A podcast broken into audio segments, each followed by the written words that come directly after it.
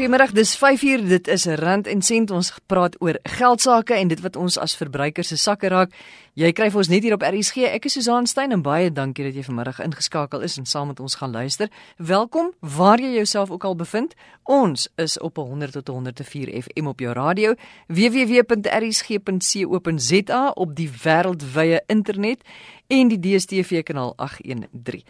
So rukkie gelede is in die nuus berig oor die omstrede Britse marknavorsingsmaatskappy Cambridge Analytica. Hy moes sy deure sluit en aansoek doen in Amerika en Brittanje om insolvent verklaar te word en die rede Die maatskappy word beskuldig daarvan dat hy sowat 87 miljoen Facebook-gebruikers se data gekaap het om onder meer die president van Amerika, Donald Trump, se verkiesing te help ondersteun. Nou, dit is nie net iets wat elders in die wêreld gebeur of om verkiesingsveldtogte te ondersteun nie. Jou en my inligting. Ek sit er om te dink waar ons inligting oral op die nasionale en internasionale web is en dit kan gesteel word deur internetrowers. Hierdie mense kan ons inligting gebruik, ons privaat inligting om byvoorbeeld toegang tot ons bankstate te kry, miskien ons kinders te ontvoer. Hoe gaan ons dit keer? Hoopelik kan ons vir jou vanmiddag 'n paar wenke gee daarvoor. Dan gaan ons hoor van 'n entrepreneur en 'n benoemde vervrou van die jaar asook verskilmaker van die jaar. Wat is haar spaarwenke en geldfilosofie? En dit is veral belangrik in die lig van ons heel eerste gesprek vanmiddag. Baie ontstellende nuus eintlik is dat Suid-Afrika in 'n studie wat mense se finansiële geletterdheid in 30 lande ondersoek het, die heel slegste gevaar het. Ons het 'n gemiddelde finansiële geletterdheidsvlak van net 30%. Christel Erasmus is 'n navorser en ontwikkelingsbeampte by African Unity Life. En Christel, hierdie syfer nou ek het nou gesien in die in die stuk wat ek gelees het, daar word ook van studente gepraat, maar wie word almal hierdeur geraak? Susan, hierdie is basies 'n syfer vir Suid-Afrika as geheel. So dit is eintlik baie skokkend as 'n mens daaraan dink, want dit beteken dat Suid-Afrika het 'n toets gaan skryf oor ons finansiële, kan ek sê finansiële onderrig bevoegdheid en ons het 30% vir ons toets gekry. So dit is eintlik 'n dryp as 'n mens daaraan dink en dit is hoekom dit so belangrik is dat ons dit moet verbeter en regtig moet werk daarvan maak om om daaraan te werk want dit is regtig ons is ons is aan die onderkant van die leer as ek dit so kan stel. Net gou presies wat beteken ja. of behels finansiële geletterdheid? Finansiële geletterdheid beteken dat as jy jou eie finansies neem dat jy presies weet hoe om dit te bestuur. Met ander woorde, jy doen 'n begroting en jy weet presies wat jy met jou geld gaan doen, waarvoor dit moet gaan. Jy weet jy moet spaar, jy weet jy moet 'n bietjie voorsien vir aftrede dis daai tipe goeders. Um jy moet verstaan hoekom versekerings belangrik is. So jy moet so half vir jouself kan sorg. Jy moet weet ek het 'n spaarrekening nodig en ek het 'n ek het mediese versekerings nodig en ek het 'n begroting nodig en ek het ander versekerings nodig en ek uh, ek mag ook 'n bietjie geld uitgee. Maar nou, kyk want daar's verskillende vlakke van finansiële geletterdheid. Jy weet want ek dink nou daar is mense wat regtig niks weet nie. Dan's daar ouens wat hulle eie aandele kan koop en speel en dan is daar mense soos ek wat so 'n bietjie weet maar ek weet ook nie altyd of ek genoeg weet nie. So ja. as ons praat hiervan, hierdie is is ernstig. Is dit mense wat regtig glad nie met geld kan werk nie? Ja, as ek kyk na ons teikenmark, as ek in die laaste teikenmark, is dit mense wat regtig nie weet eers hoe om 'n begroting te doen nie. En ek dink mense sal regtig geskok wees as jy regtig die syfers neem en kyk wie weet regtig hoe om 'n begroting te doen en hoe om te spaar. Mense neem altyd aan omdat ons as mense aanneem ek weet nou hoe om dit te doen. Mens kan nie aanneem die volgende persoon weet nie want daai persoon is byvoorbeeld nie as kind geleer spaar jou sakgeldjie om volgende week vir jou twee koeldranke te koop of om volgende week die speeldingetjie te koop wat jy wil hê. Mense is nie noodwendig dit geleer as kinders of in die skool nie. So die aanname is daar dat almal weet, maar dit is eintlik so verkeerd want mense weet nie regtig hoe om met hulle geld te werk nie. So jy's nou 'n navorser. Wat wat sien jy? Het jy statistiek? Het jy nog syfers? Het jy voorbeelde? Ek het nog 'n bietjie statistiek. As ek kyk gou hierso na studente, het ons gesien dat as ek nou werk volgens die Johannesburg Universiteit 70% van hulle inskrywings is eerste generasie studente, met ander woorde is eerstejaars. Dit wys eintlik vir ons hoe hard ons hier moet werk want dit is studente wat nou gaan studeer en hulle gaan die werkende mark betree direk na hulle studies. So hulle moet weet dan hoe om met hulle finansies te werk. So 67% van hulle nie gaan weet om met hulle finansies te werk nie. Ek wil amper sê die gaping gaan net groter raak. Daai 30% gaan net daal en daal en daal as ons nie werk maak van van hierdie situasie nie. Okay, nou watse voorstelle het julle of wat sal julle graag wil sien? Wat, oh, jy weet, hoe gaan 'n mens hoe moet ons meer finansiëel geletterd raak? Ek kan begin deur te sê dat ons reguleerder wat die FSB is, die Financial Services Board, dis basies 'n instansie wat omsien na al ons finansiële instansies. Hulle het 'n consumer education departement wat gereeld programme loods om die jeug finansiëel te bemagtig en hulle te leer om basiese goedertjies te doen soos begroting en spaar en al daai dinge. En hulle doen dit ook vir volwassenes en ek dink die ons reguleerder wil baie graag alle finansiële instansies aanmoedig om sulke programme en projekte te loods om om hierdie groot gaping te vul. Ons as African Unity Life het hierdie jaar vir die eerste keer nou ons projek wat ons gaan loods wat ons noem Free Financial Education. Dit gaan ons probeer om 'n paar skole te identifiseer spesifiek hoërskole. Ons wil ons wil graag kyk waar ons die gaping kan vul wat hulle nie noodwendig kan kry nie. So ja, daar is redelik baie goed wat ons kan doen. Ja dit moet net gedoen word. maar weet jy dit wat ding by nou aan die dae toe ek op skool was het hulle het hulle ja. daai jare die streekrade nog bestaan. Uh die kunsterade en dan het hulle 'n groepe toneelspelers gehad wat by die skole omgekom het en dan het hulle ja. ietsie opgevoer om kinders of leerders bewus te maak van van sekere aspekte van die lewe. En ja, ek dink dit ja. is eintlik wat wat nou nog moet gebeur. Jy weet, stig sulke ja. groepies gaan na skole toe, leer hulle op 'n lekker manier want om jy die eerlike waarheid te sê, as iemand by my kom en vir my sê Susan, sit jy moet nou 'n begroting opstel, dan dink ek nee. nee, want ek hou nie daarvan nie.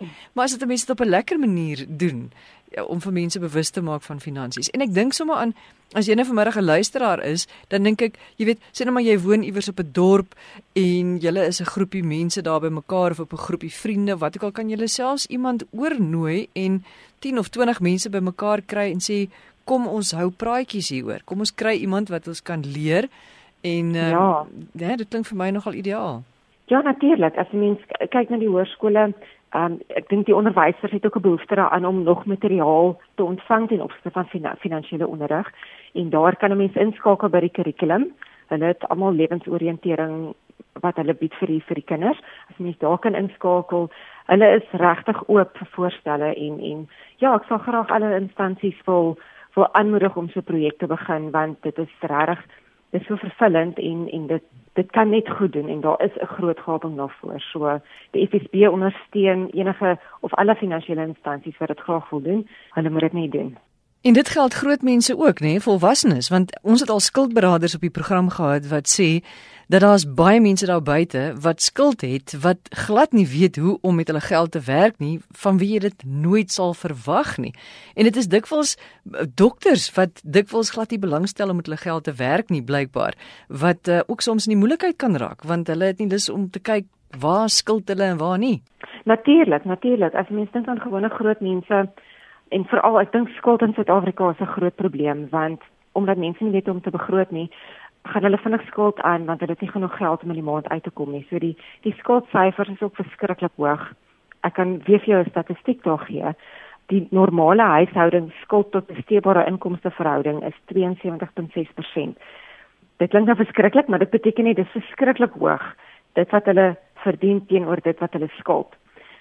So, ehm um, dit beteken dat hulle is nooit ek wil sê as kind geleer nie. So ek ek voel dis baie belangrik dat volwassenes ook weet hoe om finansiëel hulle dinge te werk sodat hulle vir hulle kinders ook kan leer. Die ouers moet weet om vir die kinders te wys om 'n begroting te doen want dit is hoe dit oorgedra word ja, die groot mense, dis baie belangrik vir hulle om ook te weet. Ek dink vir my vir my is dit altyd, jy weet net soos wat daar seker veldtogte is om mense te leer om gesonder te leef en om oefening te doen. Met ander woorde om die mense se fisiese welstand 'n bietjie te te help ondersteun. So glo ek moet daar ook veldtogte wees om mense se finansiële welstand te help ondersteun. Veral in hierdie tye wat dit wat dit regtig swaar gaan en wat mense sukkel. Absoluut as ek 'n voorbeeld kan gebruik van 'n kredietkaart. Ons weet almal hoe hoe maklik beskikbare kredietkaart is, maar dit is tog ook skuld.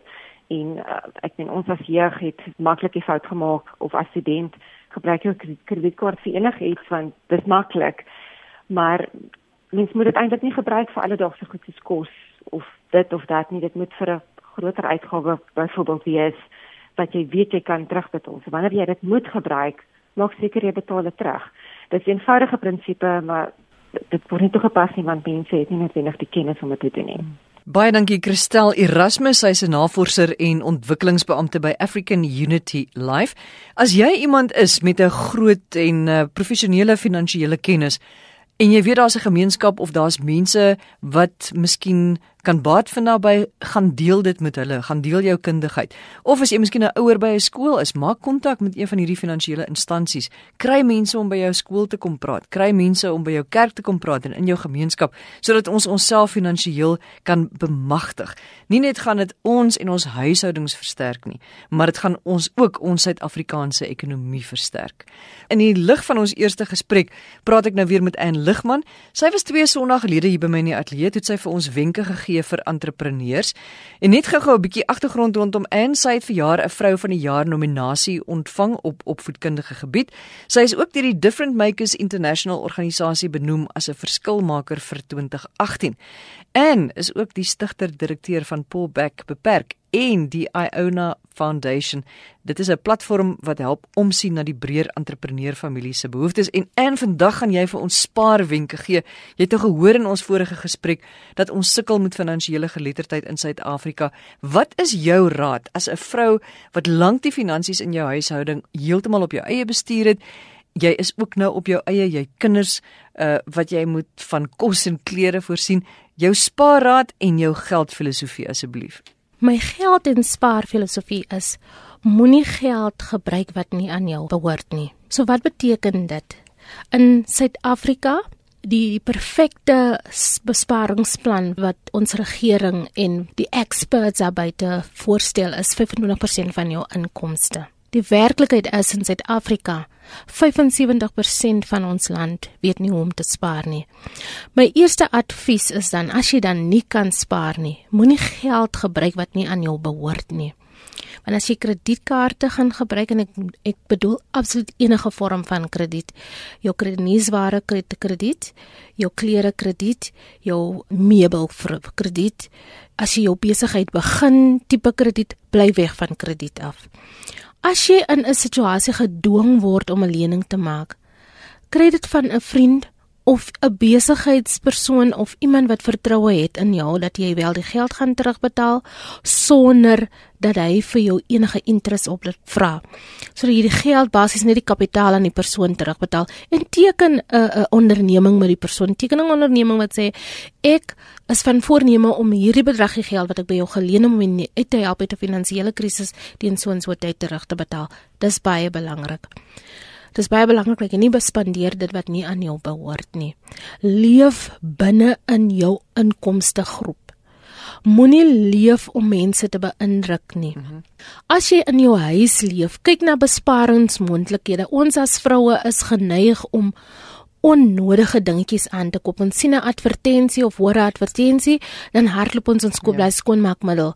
Maar ons oumas en ons oor oumas en ons groter groter as grootjies het met 'n blou steen seep baie ver gekom. So as dit kom dat jy so in so 'n situasie is wat jy moet kies tussen 'n blokgroen seep en 'n branded seepoeier. As jy 'n situasie van jy dit verlang, vergeet van trots. Vergeet van wat die mense gaan sê en gaan maar vir daai grondseepie. Want hy grondseepie kan verskriklik baie doen. Hy kan skottelgoed was, hy kan klere was, hy kan hy skoon maak, hy kan ag, dit is so baie kan as 'n blykmiddel dien as jy weet hoe om dit te doen. En en leer om jou boererate te gebruik. Mense moet verstaan wat vandag daar buite geadverteer word as 'n volmaakte chemiese produk is niks anders as jou verwerkte boererate nie. So gaan terug na jou boererate toe. As jy kyk na jou kombuiskas. Die dag toe ek geskei het, het ek gespring van 'n kredietnuuswaarde begroting van ongeveer R4000 per maand na ongeveer 1500 per maand en op my baie laagste skaal toe ek amper niks gehad het om van te oorleef en toe my besigheid al my sente gesteel het, het ek reg gekom met ongeveer 800 kredietware. Dis wat jy koop. Jy moet seker maak dit is gesond Dis goed vir jou liggaam. Meeste dinge wat vandag verkoop word in die besigheid in die, in die in die besigheidswêreld in kredeniersware winkels is goed wat daarop gemik is om jou goed te laat voel. As jy goed voel deur kos, dit beteken dit daar is 'n gaping in jou lewe. Daar's iets wat jy probeer vul hmm. en daai iets probeer jy vul met kos wat jou laat goed voel. So alreeds daar nodig jy 'n ingryping. Kos gaan nie 'n permanente goed en goeie kos en dierkos en wonderlike eksotiese disse gaan dit vir jou doen. Skaal af, leef eenvoudig, leef binne in jou begroting en en dis my grootste uh, vir vir vir vir die, vir die huisvrou wat ook probeer om om iets anders te begin. En het jy nie gevind dat as jy gewoond is aan 'n klomp om baie jy weet genoeg geld te hê en jy jy kan daai ekstra goed begin koop en dan gaan jy deur 'n tydperk wat jy nou regtig swaar kry, nê, wat jy mm. nie al daai geld het nie en jy moet skielik kan jy nie meer daai ekstra jy leer om met soos hulle sê die basics klaar te kom. Mm -hmm. As jy dan weer in 'n situasie is waar jy meer geld het dan besef jy maar jy het nie al daai ekstra goed nodig nie. Absoluut ja, uh, Susan, wat gebeur is as jy kom van onder die broodlyn lewe en skielik sit jy met die eislike inkomste waar jy voorheen voor 'n uh, eh, blootstelling gehad het aan 'n leefwyse wat wentel om 'n groot inkomste en krediet. Jy skaal af, jy is nou skielik onder die broodlyn en skielik verbeter jou situasie en jy sit nou met ekstra geld. Jy weet jy is so gewoond want jy het jouself gevind in 'n onder die broodlyn situasie dat jy letterlik nie eens meer weet wat om met die ekstra geld te doen nie. So nou kan jy die geld belê. Jy kan die geld belê in 'n spaarplan, jy kan die geld belê in 'n besigheid wat regtig vir jou gaan nog meer inkomste gaan genereer. Of jy kan die geld belê in jou opvoeding. Jy kan gaan vir kursusse wat wat van gaan waarde toevoeg en dit wat jy vir jouself beoog vir jou visie vir die toekoms of in jou besigheid. Of jy kan belê in jou kinders se toekoms of uh, of hulle opvoeding dan. Of jy kan in uh, byvoorbeeld soos 'n uh, vaste bates belê. Maar regtig die ding van vaste bates is iets wat ek van 'n tegniese rekenmeester 'n uh, rekeningkunde oogpunt word ons mos geleer 'n vaste bate is iets wat langer as 12 maande kan leef. My definisie van 'n vaste bate is iets wat langer as 12 maande kan leef en 'n inkomste kan genereer wat nie 'n las vir dit is senseless om te sit met 2, 3 huise omdat jy dit kan bekostig, maar daai huis dreneer jou met die onderhoudingskoste. So jy moet kyk na dit ook. Ek as jy motors koop, die minuut jy daai motor uittrek uit daai uh, retailer se se se se vertoonkamer uit, verloor hy waarde.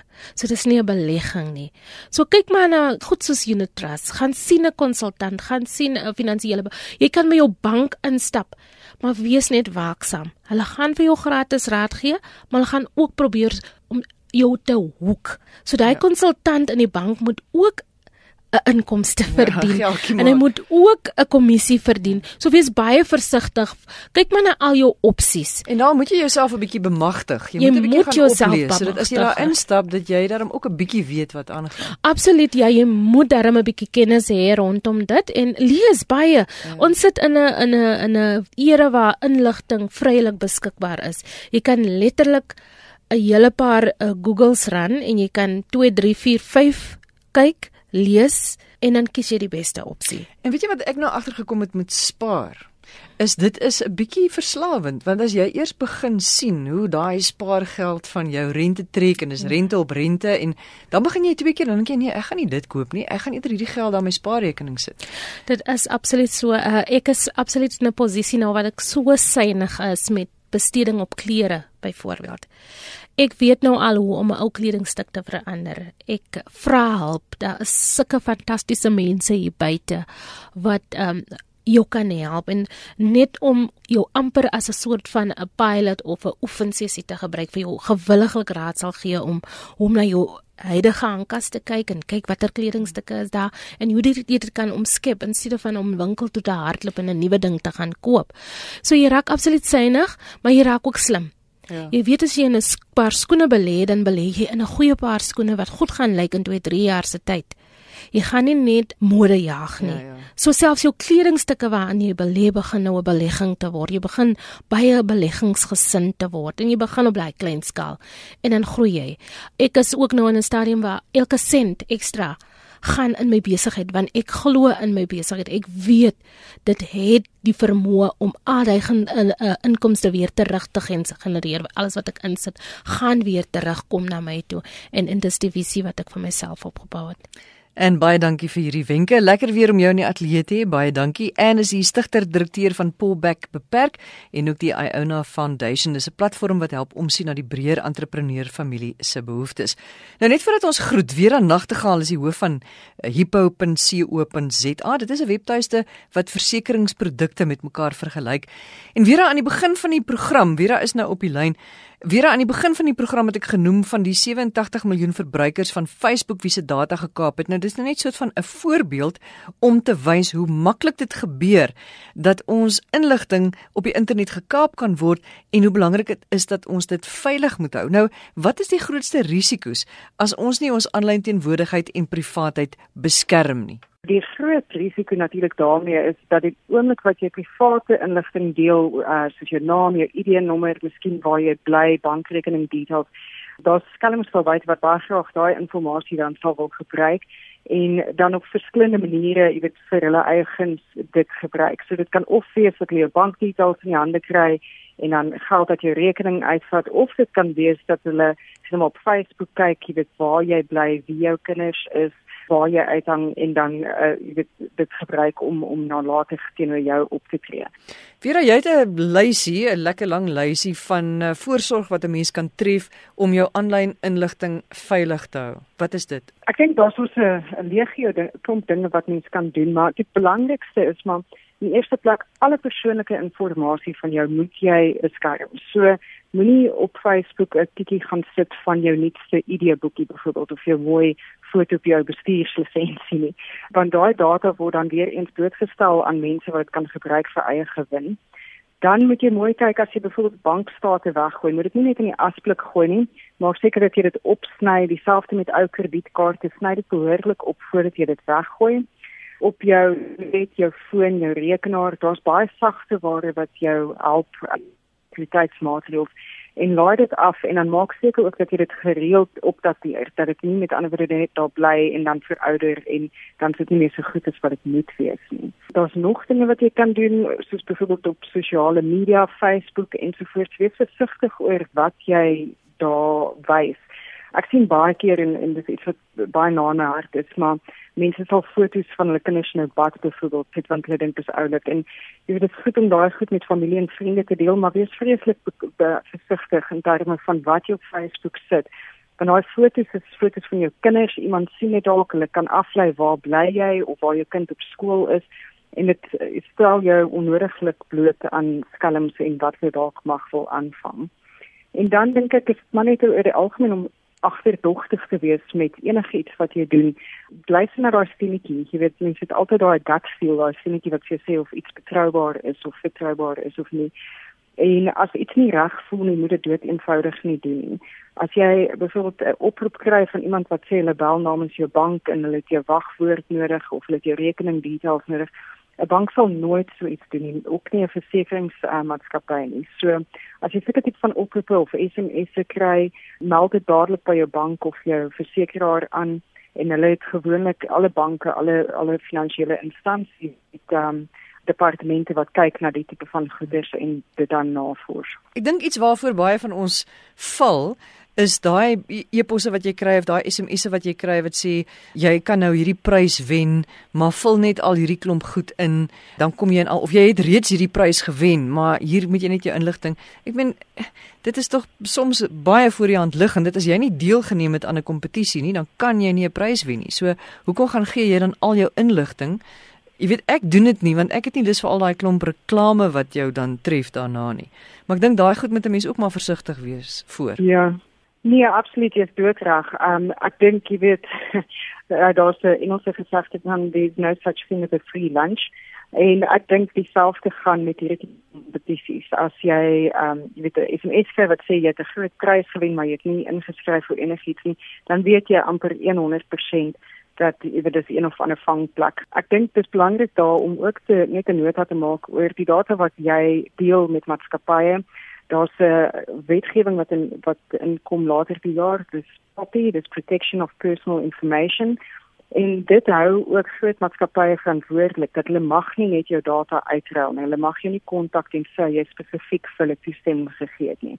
En ek dink dit is 'n baie baie goeie ding vir Suid-Afrikaanse verbruikers dat ons wel hierdie tipe van wetgewing in plek het om ons te beskerm. Nie alle lande het dit nie en ek dink dit is toenemend belangrik vir ons om dit te dat ons seker maak dat ons nie ons verbruikers in 'n moeilike posisie sit wat hulle skade kan berokken nie. Vira baie dankie daarvoor. So ja, wees maar baie versigtig met wat jy op Facebook sit, wat jy aanlyn met wie deel en moenie sommer net vir enige iemand jou veral nie jou bankbesonderhede en jou privaat uh, ID-nommer en die soort van goeders gee nie. Dit was weer 'n nagtegaal, sy is die hoof van hippo.co.za, 'n webtuiste wat versekeringsprodukte met mekaar vergelyk. Onthou as jy na enige van ons programme wil gaan luister in potgooi formaat, gaan na www.rsg.co.za,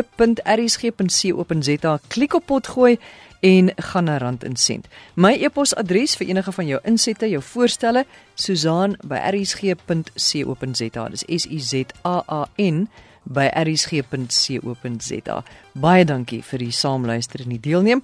Ons praat volgende Sondagmiddag 5uur verder. 'n Wonderlike week vir jou.